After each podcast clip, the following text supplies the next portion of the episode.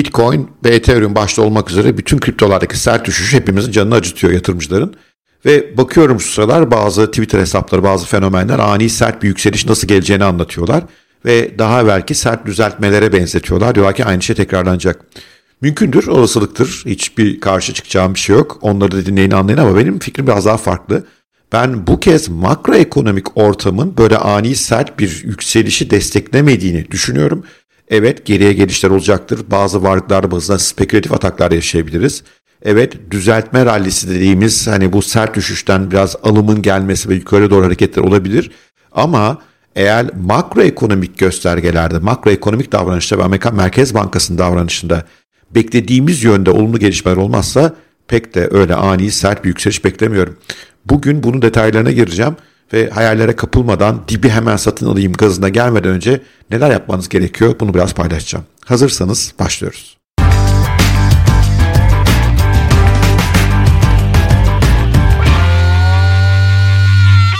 Kripto paraların geleceğinin makroekonomik gelişmelerden tamamen bağımsız olacağını savunmak bence biraz çocukça. Çünkü temeli kaçırıyoruz burada. İlk Bitcoin ortaya çıkışta zaten makroekonomik sisteme tepkiydi.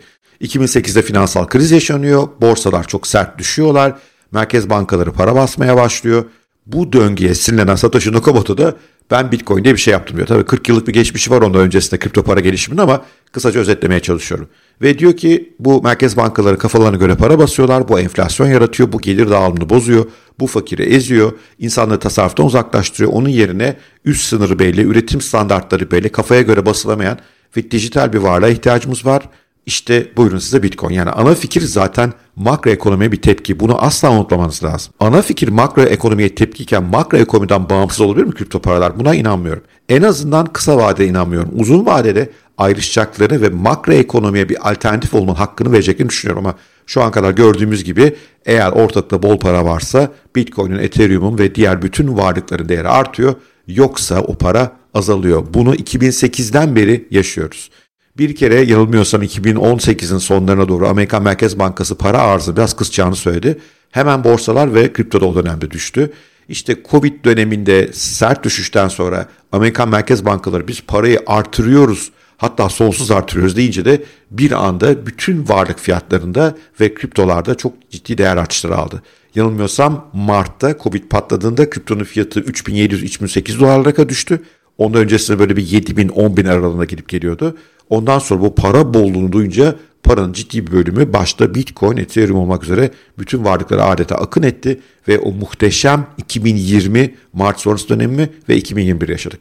Bugün o para yok. En azından Amerikan Merkez Bankası bu paranın olmayacağını söylüyor ve ilk defa kripto varlıklar ta 2008'den beri gelen 2020'den itibaren inanılmaz hızlanan para bolluğu akışının tersine döndüğü bir dönemde eh, bir sınav veriyorlar. Bu sınavı nasıl vereceklerini kestirmek biraz zor. Ben kripto varlıklardaki network etkisi gibi, kullanım alanlarının genişlemesi gibi meselelerin ki ne kadar inandım biliyorsunuz bunlara, e, bunların değerini uzun vadede yukarıya taşıyacağını düşünüyorum. Ama şu anda biraz daha kısa vadeli bir mesele var. Fiyatlar düştü. Eğer erken öngörüp sattıysanız ne hala. Ben pek öyle onlardan değilim açıkçası. Bundan sonra sert yükselir diye inanan ve bu düşmekte olan, düşmesi bu hafta sonu durmuş gözüküyor ama nereye kadar gidecek bilmiyoruz. Varlığı hadi hemen satın alalım işte şimdi fırsattır diyenler var. Evet fırsat olabilir ama makro ekonomi ile kripto arasındaki bağlantıyı anlamazsanız bu sandığınız fırsatın sandığınızdan çok daha uzun bir sürede geri gelebileceğini hatta belki de henüz ortada bir fırsat olmadığı gerçeğini kaçırıyor olabilirsiniz. Şimdi ana sorunu halde şu. Merkez Bankası para bolluğu politikasını devam ettirecek mi? Yoksa hakikaten durduracak mı? Şimdi bu konuda şu ana kadar gördüğümüz dünkü videoda anlattım. Hem Amerikan devleti hem Amerikan Merkez Bankası kararlıya benziyorlar. Daha önceki öngörülerden farklı olarak Biden'ın dün açıkladıkları bu kararların epey sert olduğunu da gösteriyor. 2022'nin Kasım'da Amerika'da seçimler var. O seçimlere yüksek enflasyonla girmek istemiyorlar. Çünkü yüksek enflasyon insanların tüketim gücünü yiyor. Bu hemen pazara yansıyor. Türkiye'de yaşıyoruz bunu şu anda ve bu da hemen oy oranlarına yansıyor. Biden'ın zaten popülariteliği bayağı düşük, bir hali düşük ve bir de başına böyle bir enflasyon derdiyle girmek istemiyor olabilir. O yüzden Merkez Bankası'nı destekliyorum diyor. Bu durumda bir kere temel varsayım olarak Merkez Bankası bu baskıya devam edecektir diyebiliriz. Bu baskı devam ettiği sürece para azalacak. Mart'ta, Temmuz'da, Eylül'de, Ekim'de bir yerlerde faiz artışları yapacaklar ve bu faiz artışlarının piyasada yarattığı etkiye bakacaklar. Bu hangi koşullarda gerçekleşmeyebilir veya nerede durup Merkez Bankası tekrar para bollaştırmaya geçebilir? Esas sorun buna dönüyor. Çünkü para kıt olduğu sürece bir mucize gerçekleşmediği sürece o mucizelerden biraz sonra bahsedeceğim olası mucizelerden kripto varlıklarda ani sert bir yükseliş beklemiyorum. Çünkü önce para bolluğu lazım. Para bol değilse bu iş olmaz. Peki Merkez Bankası sert faiz yükseltme, parayı azaltma politikalarından hangi koşullarda vazgeçer? Bence 3 temel koşul var bunda. Bunlardan ilki enflasyonun kendi kendine düşmeye başlamış olması ki bu benim beklentilerimden bir tanesi. Mart ayına kadar değil ama daha sonraki dönemde. Niye? Çünkü enflasyon ciddi bir bölümü tedarik zincirindeki kısıntılardan, Covid'in yarattığı bozulmalardan kaynaklanıyordu. Orada bir düzelme bekliyoruz.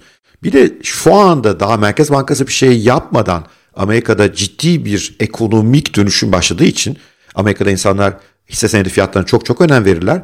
Hisse senedi fiyatı yüksekse alışverişi daha kolaydır insanların. Çünkü onu teminat gösterip kredi alırlar, moralleri iyi olur vesaire. E daha şu andan orada kıpırdama başladı, düşme başladı.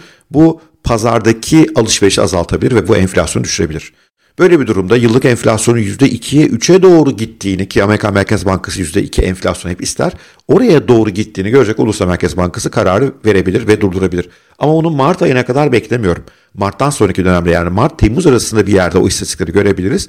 Ona dair işaretler daha erken gelirse harika. Aksi takdirde Merkez Bankası durmayacak. Amerikan Merkez Bankası'nın kararından dönmesini tetikleyecek ikinci bir neden ani sert bir borsa düşüşü olabilir. Amerikan borsalarında düşüş var ama ani sert değil. Hatırlayın Mart'ta zaman zaman devre kesecek kadar günlük %10'lara yakın düşüşler vardı. Bu sefer öyle bir şey yok. Yavaş yavaş iniyor sinir bozucu şekilde.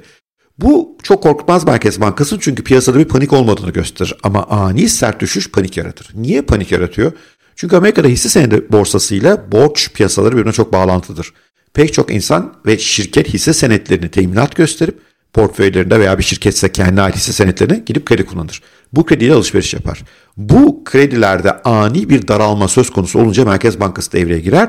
Çünkü kredilerde ani bir sert daralma yani teminatların erimesi, çözülmesi, borsadaki sert bir düşüş sonucunda ve bunun kredilere yansıması Merkez Bankası'nı korkutur. Çünkü eğer borç durursa Amerika'da her şey durur. Amerikan piyasası müthiş borca dayalı piyasadır. Müthiş kaldıraçlı işlemle dayalı piyasadır. Oradan korkarlar. O yüzden borsalarda ani sert bir düşüş Merkez Bankası'na kararını gözden geçirtip biz gevşetiyoruz tekrar dedirtebilir. 2019'da bu olmuştu. Olup olmayacağını göreceğiz. Ben ani sert bir düşüş olma olasılığını görüyorum. Bunda birkaç tetikleyicisi olabilir. Bir tanesi yatırımcıların paniklemesi. Bu mümkün. Yatırımcılar panikleyince buna olabiliyor. İkincisi de yatırımcı paniklemesi tetikleyecek ani bir finansal piyasa gelişmesi. Amerikan piyasaları, finansal piyasaları bir yandan çok gelişmiş piyasalar, bir yandan da çok kompleks piyasalar. Nereden neyin çökeceği belli olmaz. Bir zamanlar mortgage kredileri çöktü. Piyasa birbirine girdi. O kompleksiteyi ben de çözemiyorum. Orada bir şeyler olabilir. Bir de işte malum Ukrayna, Rusya, Çin, Tayvan mücadelesi gibi yerlerdeki ani tetikleyiciler olabilir. Onları daha düşük olasılık görüyorum ama bu mümkün. Bunlar olursa borsa aniden çöker o zaman Merkez Bankası para basar. Ama bu olasılığın ne kadar yüksek olup olmayacağının yorumunu size bırakıyorum. Ben çok yüksek görmüyorum ama mümkündür. Bu olursa para bollaşır ve Bitcoin yükselir. Yalnız unutmayın bu ani çöküş bütün kripto pazarlarında kendiyle beraber sürükleyecektir. Yani 2020 Mart'ında yaşanan 7-8 binlerden 3 bine ani düşüş burada da olur. Sonra yükseliş gelecektir. Niye? Para bollaştı diye. Bunu unutmayın. Yani portföyünüz aniden sert bir darbe daha alabilir. E, borsaların çökmesinden henüz bağımsız değiliz. Amerikan Merkez Bankası'nın tekrar parayı gevşetmeye itecek üçüncü bir faktör de seçimlerin yaklaşıyor olması. Kasım'da seçimler var. Şimdi şöyle varsayalım.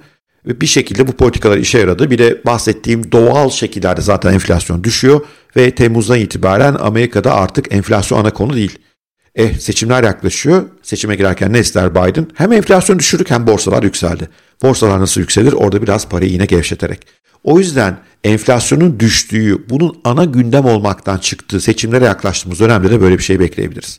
Yani her şekilde ben inanıyorum ki Temmuz'dan itibaren bir gevşeme ihtimali var kah enflasyonun kendi kendine düşmesi, kah sert bir borsa çekilişi ya da bunun ana konuk olmaktan çıkıp yavaş yavaş seçime girerken borsayı yükseltme kararı merkez bankaları ama Temmuz'a kadar bence çok sert bir şey yapmazlar. Ben Mart-Temmuz arasında biraz toparlanmalar bekliyorum bu çerçevede ama onun öncesinde bazı mucizevi faktörler dışında kripto pazarında çok sert bir yükseliş öngörmüyorum. Nedir bu mucizevi faktörler? Şimdi biraz ona bakalım. Amerikan Merkez Bankası ve makroekonomiden bağımsız olarak kripto varlıkların değerini sıçratacak 3 tane bence temel mesele var. Bunlardan ilki spot ETF. Eğer Amerika'da Bitcoin'e veya diğer bir kripto varlığa dayalı spot ETF kabul edilirse işler değişir. Bununla ilgili daha evvel bir videoda bahsetmiştim. Çünkü spot ETF'in kabul edilmesi demek bunun aynı zamanda regülatif sıkıntılarına bitmiş olması anlamına gelir. Ve Amerika'daki pek çok fon kriptoyu ciddi bir yatırım aracı olarak düşmeye başlar. Örneğin emeklilik fonları gibi. Bu spot ETF'i neler değiştireceğini o videoda daha evvel anlatmıştım. Açıklamasını aşağı, linkini aşağı açıklamalara ve yukarıya bırakıyorum. İstiyorsanız inceleyin. Bu olasılık arttı mı azaldı mı bu makroekonomik ortamdaki değişimle beraber henüz bunu yorumlayacak durumda değilim açıkçası. Ama ben biraz azaldığını düşünüyorum. Çünkü ortalık bu kadar karışıkken bir de spot ETF'i devreye sokayım demeyebilir Amerikan SPK'sı. Biraz daha gelişmenin sakinleşmesini bekleyebilir. Bir de kripto fiyatlar çok sert düştü biliyorsunuz. E, bunu da bahane edebilir. Bakın daha bu hala güvenilir bir varlık değil. Çok manipülasyon var diyebilir. Ben biraz açıkçası şüpheyle bakıyorum. Ama bu bir olasılık. İkinci bir olasılık kripto varlıkların toplumdaki adaptasyonda ciddi bir artışı yaratan bir mucize gerçekleşebilir. Yani atıyorum Walmart der ki ben Bitcoin'e ödemeyi kabul ediyorum. Amazon der ki ben Ethereum blockchain'in üzerinde bir ödeme sistemi geliştiriyorum.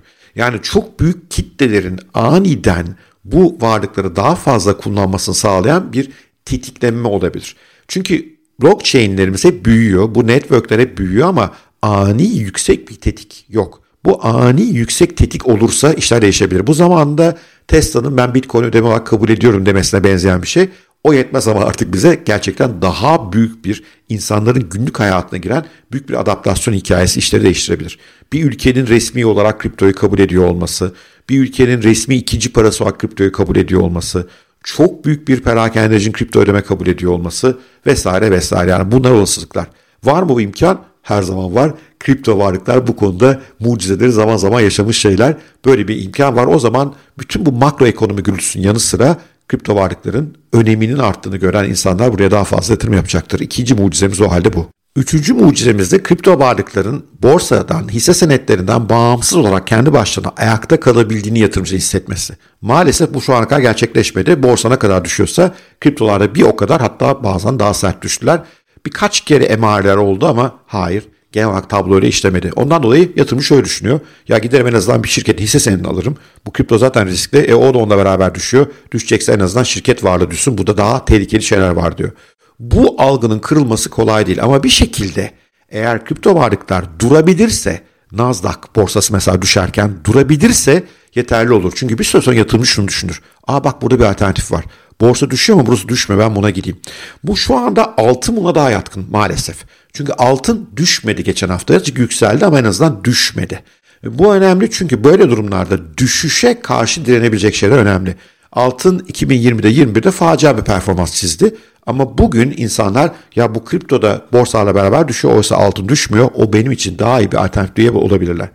Kripto işte bunu kırabilmeli. Bu nasıl olur? Satmayı azaltırsak olur. Borsalarda balinalar biraz daha bu işi tutalım ayakta derse olur. Mümkündür, ihtimal vardır ama çok kolay değildir. Ama bu olsa olay şöyle gelişecek. Aa bir dakika bir dakika ya kripto düşmüyor. Ben borsadan çıktım elimde fazla param var. E ne yapayım ben? Galiba kripto iyi bir şey gerçekten sağlama benziyor. Henüz maalesef öyle bir izlenim veremiyoruz. Verirsek bu üçüncü mucizedir. Benim burada öngöremediğim mucize olabilir. Amerikan Merkez Bankası tamamen benim dışında bir şeyler yapıyor olabilir. Dünya savaşa çıkabilir, ayı çıkabilir, kuş çıkabilir, her şey olabilir. O yüzden lütfen söylediklerimi dikkatle dinleyin ama ben bir yatırım tavsiyesi vermiyorum. Sadece kendi görüşlerimi anlatıyorum. Yanıldığım çok sık oluyor.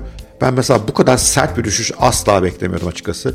Amerikan Merkez Bankası kararı açıklamadan daha önce ortak birbirine girdi. Beklemiyordum ne yalan söyleyeyim. Hatta Aç Kulübü üyeleri de biliyorlar. O yüzden yanılıyor olabilirim ama şimdi geleceğe baktığımda böyle görüyorum ve artık para bolluğunun olduğu bir dünyada değil, paranın daha kıt olduğu, daha riskleri dikkatli yönetmemiz gereken bir dünyada olduğunu düşünüyorum. Bu çerçevede portföyümü nasıl yöneteceğim? Dün bazı ipuçları verdim ama sabredip beni yarın da izlerseniz daha derine gireceğim. Kripto portföyümde ve kripto dışı varlıklardaki bütün portföy dönüşüm planlarımı daha detaylı anlatmaya çalışacağım. Belki dinlemek istersiniz. Bir yatırım tavsiyesi almak için değil ama işte yıllardır bu işin içerisinde uğraşan, iyisiyle kötüsüyle bazen kazanan bazen kaybeden, şu anda canı sizler gibi aynen oldukça sıkkın bir abinizin belki fikirlerini, görüşlerini merak ediyor olabilirsiniz.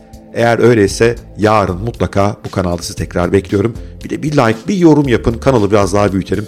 Daha fazla insan işte o grafikler üzerinden 100 kat olacak 10 kat gazına gelmeden sakince kripto varlıklar konusunda bir görüşü daha yani benim görüşümü dinliyor olsun. Sevgiyle kalın, hoşça kalın, görüşmek üzere.